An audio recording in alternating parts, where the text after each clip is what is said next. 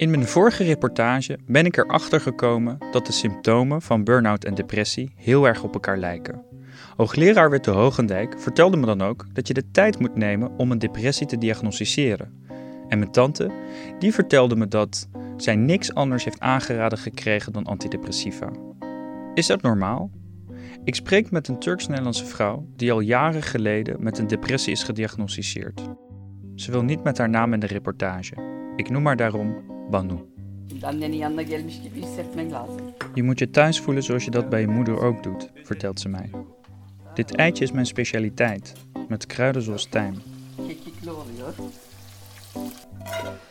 Türkiye'de doğmuş buraya gelmiş. Ik ben in Turkije geboren en later hier naartoe gekomen. En hier ook volwassen geworden. Maar de Turkse traditie, die heb ik nooit kunnen loslaten. Want dat heb ik gezien van mijn opa. En dat ben ik blijven vasthouden. Onlardan vazgeçmeyen. Haar eitje is erg lekker. Banu heeft lichtkleurige ogen en appelwangetjes die haar hoofddoek maar moeilijk kunnen verbergen. Ze lacht veel, maar haar stemming slaat om als ik haar vraag hoe ze zich iedere dag voelt. Iedere dag voel ik me versleten. Hoe dan? vraag ik. Ya çok yorgun oluyorsun. Ve hiçbir iş yapmak istemiyorsun. Je bent moe. Je wil geen werk verrichten. Als je aan werk denkt, ga je al door een soort woede- en paniekaanval. Moet ik alweer de was doen? Alweer de afwas? Alweer eten maken?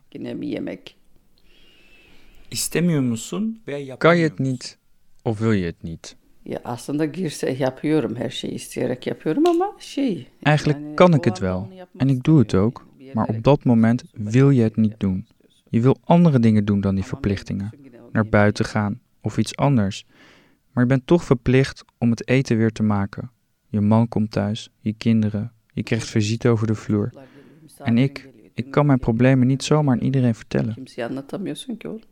Banu voelt zich versleten. Ze gaat op een dag naar de dokter en die schrijft haar antidepressiva voor.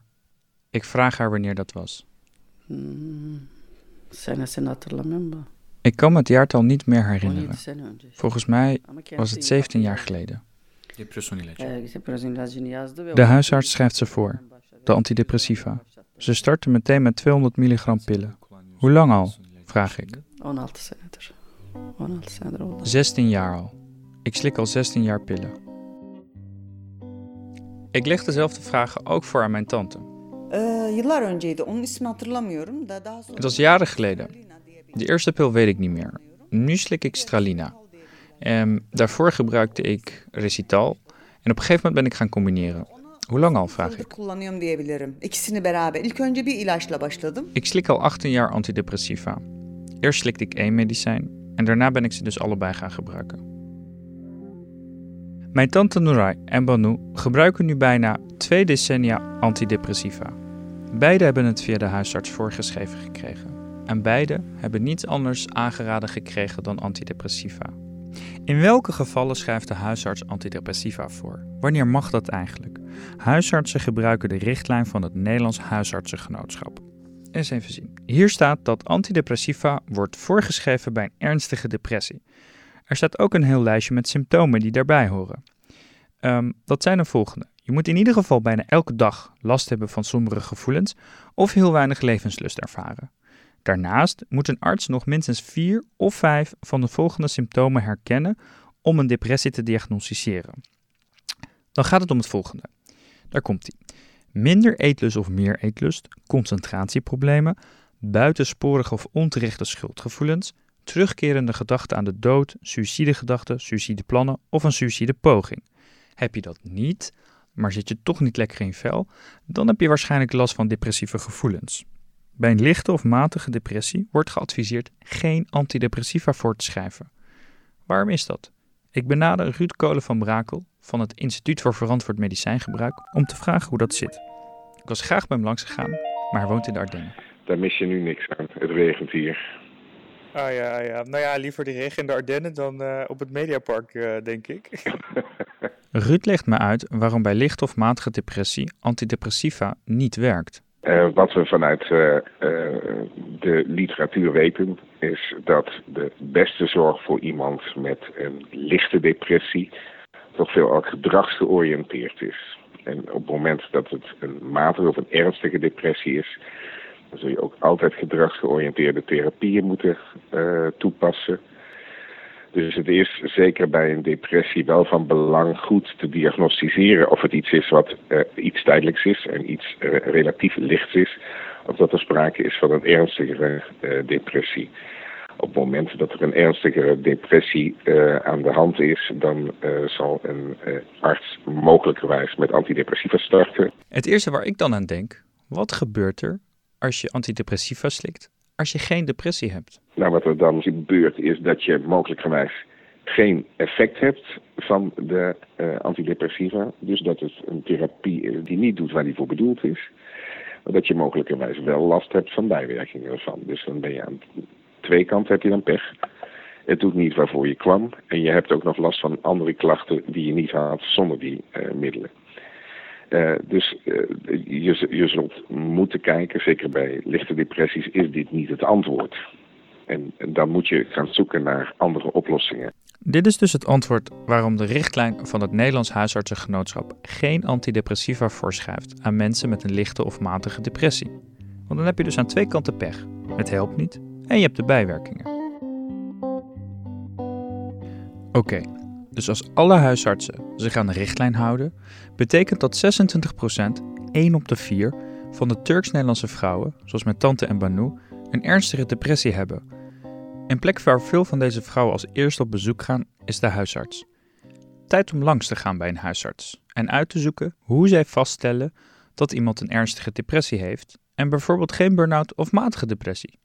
Ik ga langs bij een Arnhemse huisarts. Ik ben Doreen Cohen-Stuart, uh, huisarts in Arnhem. En veel mensen van, uh, uit, oorspronkelijk uit uh, andere landen dan Nederland ook in de praktijk. Waarbij de Turkse populatie wel de grootste is, denk ik, die bij ons in de praktijk zit. Ik heb mijn tante gesproken. En die is gediagnosticeerd met een depressie. En die slikt al jaren depressiepillen. En haar dokter heeft daar nog nooit eigenlijk iets anders aangeraden. Zoals meditatie, yoga, zwemmen, sport, rust, lees een boek, whatever. Dat is niet gebeurd. Hoe doe jij dat? Ja, uh, ik denk dan, dan, ik weet niet of het niet gebeurd is, maar therapie of cognitieve gedragstherapie of inzicht in wat je zelf kan doen om je beter te laten voelen, dat is wel onontgonnen gebied, denk ik, voor dat soort, uh, voor deze dames. Waarom? Geen idee. Misschien, ja, dat weet jij misschien beter dan ik, omdat dat, ik zou serieus niet weten waarom dat is. Kijk, het is wel zo dat uh, dat soort dingen die jij benoemt, hoogopgeleid wit Nederland snapt precies wat je zegt. Ik denk laag opgeleid Nederland snapt ook niet zo goed wat je bedoelt. En ik denk laag opgeleid andere cultuur, die haakt bijna af. Dat is wel echt Amsterdams kennis, hoog niveau uh, therapie hoor. Oeh, ik word ongemakkelijk van dit soort opmerkingen. Terug naar de diagnoses. Maar als hier zo'n Turks-Nederlandse vrouw komt, die heeft misschien depressieve klachten. Ja. Wat, wat doe jij dan? Nou, ik probeer dat, eh, ja, dat, voordat je daar bent, ben je al heel veel pijn verder. Hè? Want dat, dat pijn daardoor kan komen, is ook al een, uh, een stap die mensen moeten maken. Heel veel pijn verder. Komen Turks-Nederlandse vrouwen dan niet binnen met depressieve klachten? Ik vraag het aan een andere huisarts, huisarts Jan Wuister. In de eerste plaats dat mensen heel vaak bij je komen met, met lichamelijke klachten. Veel hoofdpijn en uh, moe en uh, andere klachten, lichamelijke klachten veel angsten ook voor ziektes. Dat is het beeld dat je meestal ziet. Mensen komen niet uh, bij je en zeggen ik heb last van een depressie. Oké, okay, huisarts Dorien, ga verder. En dan ook nog bedenken dat je daar zelf met therapie en praten wat aan kan doen. Dat is best ingewikkeld en dat geldt ook wel voor iedereen, denk ik. Sorry, ik moet daar weer onderbreken. Ze zegt praten en therapie is best ingewikkeld. Maar waarom? Als ik dat kan oplossen met een pil, maak ik iedereen blijer dan als ik dan zeg dat je zelf iets moet doen. En word jij daar blijer van? Of wordt die Turkse vrouw daar blij van? Of wordt iedereen daar blijer van? Ik wil liever geen medicijnen voorschrijven als ik denk dat dat eigenlijk niet nodig is. Uh, en er is ook helemaal niet uh, veel onderzoek die bewijst dat dat een verstandig idee is. Het placebo-effect van die medicatie moet je ook niet onderschatten, denk ik. En dat is ook een effect, hè? Als je denkt dat je met deze pil beter wordt, dan wordt je, de kans dat je ervan beter wordt, ook al is het een stukje zout, is gewoon 50% of zo. Dat is enorm. Nou ja, dat bedenk ik ter plekke, maar dat is een hoog getal. Dus dat is ook een effect wat je kunt bereiken, waardoor je contact met mensen houdt en ze weer terug moeten komen om te kijken hoe het gaat met die medicijnen en je dus dan op, in gesprek blijft. Dus dat vind ik ook een legitieme reden om het toch te geven, ook al heb je die depressie niet. Doreen vertelt me ook dat er een taalbarrière is. Soms moet er een familielid mee om het gesprek te vertalen.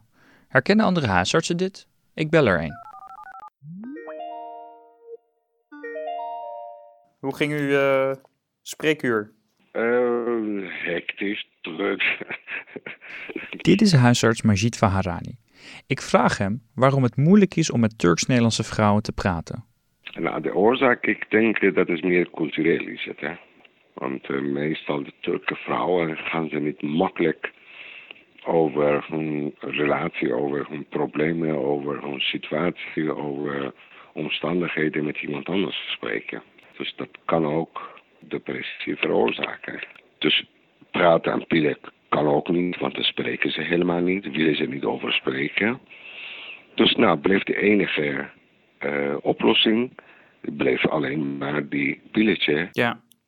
En vragen de Turkse vrouwen zelf expliciet om, om dat pilletje? Of, of bent u dan diegene die dat... Ja, meestal wel. Ja, ja, ja, ja. absoluut wel. Maar u stuurt deze vrouw dan niet naar een psycholoog of, of, of, of raadt u ze aan om bijvoorbeeld iemand anders te spreken daarover? Ja, dus we hebben ook uh, bij ons in de praktijk, we hebben twee psychologen in dienst. Huisarts Majid heeft twee psychologen tot zijn beschikking. Hij merkt alleen dat de Turks-Nederlandse vrouwen hier weinig gebruik van maken. Ze willen niet praten. Er lijken dus twee problemen. De Nederlandse huisartsen kunnen de vrouwen slecht verstaan. Daarnaast is er een cultureel aspect. De Turks-Nederlandse vrouw praat niet over haar gevoelens. Huisarts Jan legt het me nog verder uit. Ja, oh, ik heb er, heel, er zijn heel veel redenen om het te doen. het, is, het, is, allemaal niet zo zwart-wit. Het is niet zo van, oh, u heeft een depressie, dus u moet een pil hebben en dan wordt u beter. Zo werkt dat helemaal niet. Helaas was het maar zo simpel. Maar in de, in de geestelijke gezondheidszorg is vele malen gecompliceerder. Soms geeft je mensen ook zo'n pilletje steuntje in de rug in de vorm van erkenning. En werkt u dan mee aan als u dat voelt van ze zoekt naar een pilletje om erkenning te krijgen? Maar soms is dat nodig om te zorgen dat mensen mee gaan werken. Zonder dat blijven ze hangen in, ja maar ik heb toch iets, ja maar ik, er moet toch iets voor zijn. En krijg je ze niet verder mee op weg naar verbetering. Mensen zijn wel eens een beetje eigenwijs.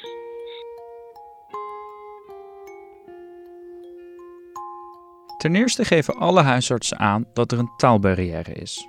De huisartsen die ik heb gesproken schrijven onder andere antidepressiva voor om Turks-Nederlandse vrouwen erkenning te geven, of een steuntje in de rug, of als contactmiddel, of vanwege het placebo-effect. Kan een huisarts op basis van deze redenen antidepressiva voorschrijven? Is met die taal- en cultuurbarrière het goed mogelijk om een diagnose te stellen? Ik vraag het aan arts en epidemioloog Dick Bijl. Hij staat bekend om zijn harde uitspraken als het gaat om geneesmiddelengebruik. Hallo, goeiedag meneer Wel. Hallo. Hallo. Kom binnen. Dankjewel. Ik heb een aantal artsen gesproken en die, die, die zeggen duidelijk... ja, het is moeilijk om, uh, om met zo'n Turks-Nederlandse vrouw te praten. Um, en als praten niet helpt, dan maar een pilletje. Ja, dat vind ik een, uh, een zeer slechte beleid natuurlijk. Je moet weten wat je doet uh, als arts. En je moet je eerst vergewissen van, van de juiste diagnose. En dat lukt natuurlijk en niet als je niet kunt communiceren met de patiënt. Maar hoe zit dat met het placebo-effect? Want ik hoor ook overal dat het placebo-effect niet onderschat moet worden. Nou, het placebo-effect wordt juist onderschat. Het is zo dat in de onderzoeken met antidepressiva blijkt dat uh, placebo ongeveer 30 tot 40 procent van de patiënten geneest of verbeterd. En een antidepressivum scoort iets hoger, ongeveer 50%. Dat is een verschil van ongeveer 10%. Maar dat verschil dat is alweer verdwenen als je één of twee weken wacht. Dan is ook die placebo-groep is genezen. Dus dat placebo-effect dat kun je net zo goed uitschakelen. Als een arts zo'n middel wil voorschrijven, dan moet hij zich eerst vergewissen van de ernst van die depressie en niet zomaar klakkeloos een antidepressivum voorschrijven, want het risico is heel groot dat de meeste mensen alleen maar last hebben van de bijwerkingen. En wat zouden die bijwerkingen dan kunnen zijn? Nou, dus een uitgebreid scala aan bijwerkingen, uiteenlopend van uh, gewichtstoename, seksuele functiestoornissen, persoonlijkheidsveranderingen, suïcide, suïcidaliteit en zoals recent duidelijk is geworden ook agressief en moorddadig gedrag. Als ik naar suicidaliteit en gewelddadig gedrag zoek op de bijsluiter van Seroxat, dat is een veelgebruikt antidepressivum, staan er inderdaad dergelijke bijwerkingen op, maar staat niet bij hoe vaak ze voorkomen. Onderzoek van het Geneesmiddelenbulletin, waar Dick Bell tot voor kort hoofdredacteur van was, concludeert dat bij gezonde volwassen vrijwilligers antidepressiva slikken het aantal incidenten die kunnen leiden tot suïcide en geweld verdubbelt. En zijn dit effecten die op de lange termijn of op de korte termijn opspelen? Nee, die kunnen al uh, vrij snel na de aanvang van het gebruik uh, optreden. Ik moet aan mijn tante Nouray en Banu denken, die ruim 15 jaar antidepressiva slikken. Wat betekent dat voor hun? Ja, veel mensen gebruiken antidepressiva chronisch. En uh, een van de redenen daarvoor is dat ze moeilijk kunnen stoppen met die middelen. En dat, dat komt omdat ze onthoudingsverschijnselen krijgen als ze uh, plotseling gaan stoppen. In de huidige versie van de NHG-standaard uh, depressie, daar staat zelfs als een patiënt een antidepressivum wil, dan schrijft de huisarts dat voor. Dat is weer die richtlijn van het Nederlands Huisartsengenootschap. Daar valt Dick Bel over. Als een patiënt zelf om de medicatie vraagt, mag de huisarts volgens de richtlijn antidepressiva voorschrijven. De huisartsen gaven bij mij aan dat dit bij veel Turks-Nederlandse vrouwen gebeurt. Maar moeten die regels dan niet herzien worden? Ja, ik vind dat er absoluut een uh, herbeoordeling moet komen van de balans van werkzaamheid en bijwerking van antidepressiva. Het is dus al jaren bekend dat in de internationale literatuur de werkzaamheid vrijwel afwezig is van deze middelen. En ze hebben wel ernstige tot zeer ernstige bijwerkingen. Dus dat is absoluut noodzakelijk om dat uh, te herbeoordelen. Dus Dick Bell zegt dat de huisartsen eens goed moeten kijken naar hoe ze antidepressiva voorschrijven.